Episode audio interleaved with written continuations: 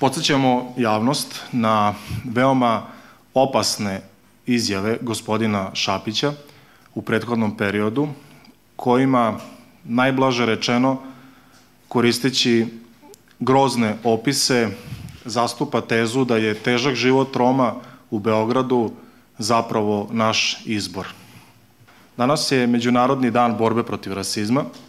i ovaj dan se slavi ili obeležava od 66. godine, kada je ga proglasila Skupština Ujedinjenih nacija i danas mi u Srbiji umesto da slavimo ovaj dan i pokrenemo takozvanu nedelju solidarnosti koja bi trebala da počne od današnjeg dana, mi razgovaramo o pojedincima koji urušavaju progres koji Srbija pravi i vraćaju nas unazad.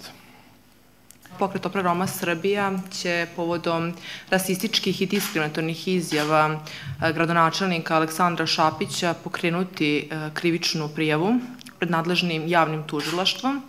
Naime, ono što želimo da napomenemo jeste da krivičnu prijavu e, koju smo završili nije bilo teško sačiniti iz razloga što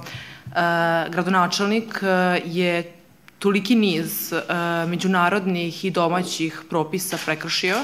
Tako da u tom pogledu niste mogli da naiđete ni na jednu odredbu koja se tiče zaštiti prava i slobodi nacionalnih manjina, tačnije ljudskih prava, koju on ovim e, diskriminatornim izjavama, koje nije ponovio samo jedan put, nego čak u tri navrata, nije prekršio. Kako sam na početku napomenula, nije bilo teško sačiniti krivičnu prijavu, ali jeste bilo mučno svaki put se vraćati na izjave, to je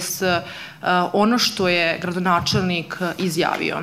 jedan od tih, e, i to je sve svakako navedeno u krivičnoj prijavi, izjavio da krademo i da krademo lokali, e, lokalizova je ispred, na primjer, McDonald'sa, da gde se mi sada, kao romska zajednica, na primjer, treba da se bojimo da dođemo ispred McDonald'sa, jer mi, navodno, tamo po njegovim izjavama krademo. Takođe, u svom drugom obraćanju je izjavio kako, gde se on to, e, gde on to izjavio da se to sve odnosi na, da se to odnosi na sve Rome. I tekako se, ovaj, gospodine gradonačelnica Aleksandra Šapiću odnosi na sve Rome, kada vi napomenete 165 nehigijenskih naselja u Beogradu, iznesete takve tvrdnje, a izuzetno dobro znate da e, romska zajednica je najranjivija, najdiskriminisanija u Republici Srbiji. Mi se stvarno nadamo uh, da će uh, nadležno javno tužiloštvo uh, i sud tačnije da će pravosuđe i da sve one borbe koje su bile izmene na referendumu za što smo glasali da pravosuđe bude nezavisnije i da nema politički uticaj, da će ovaj put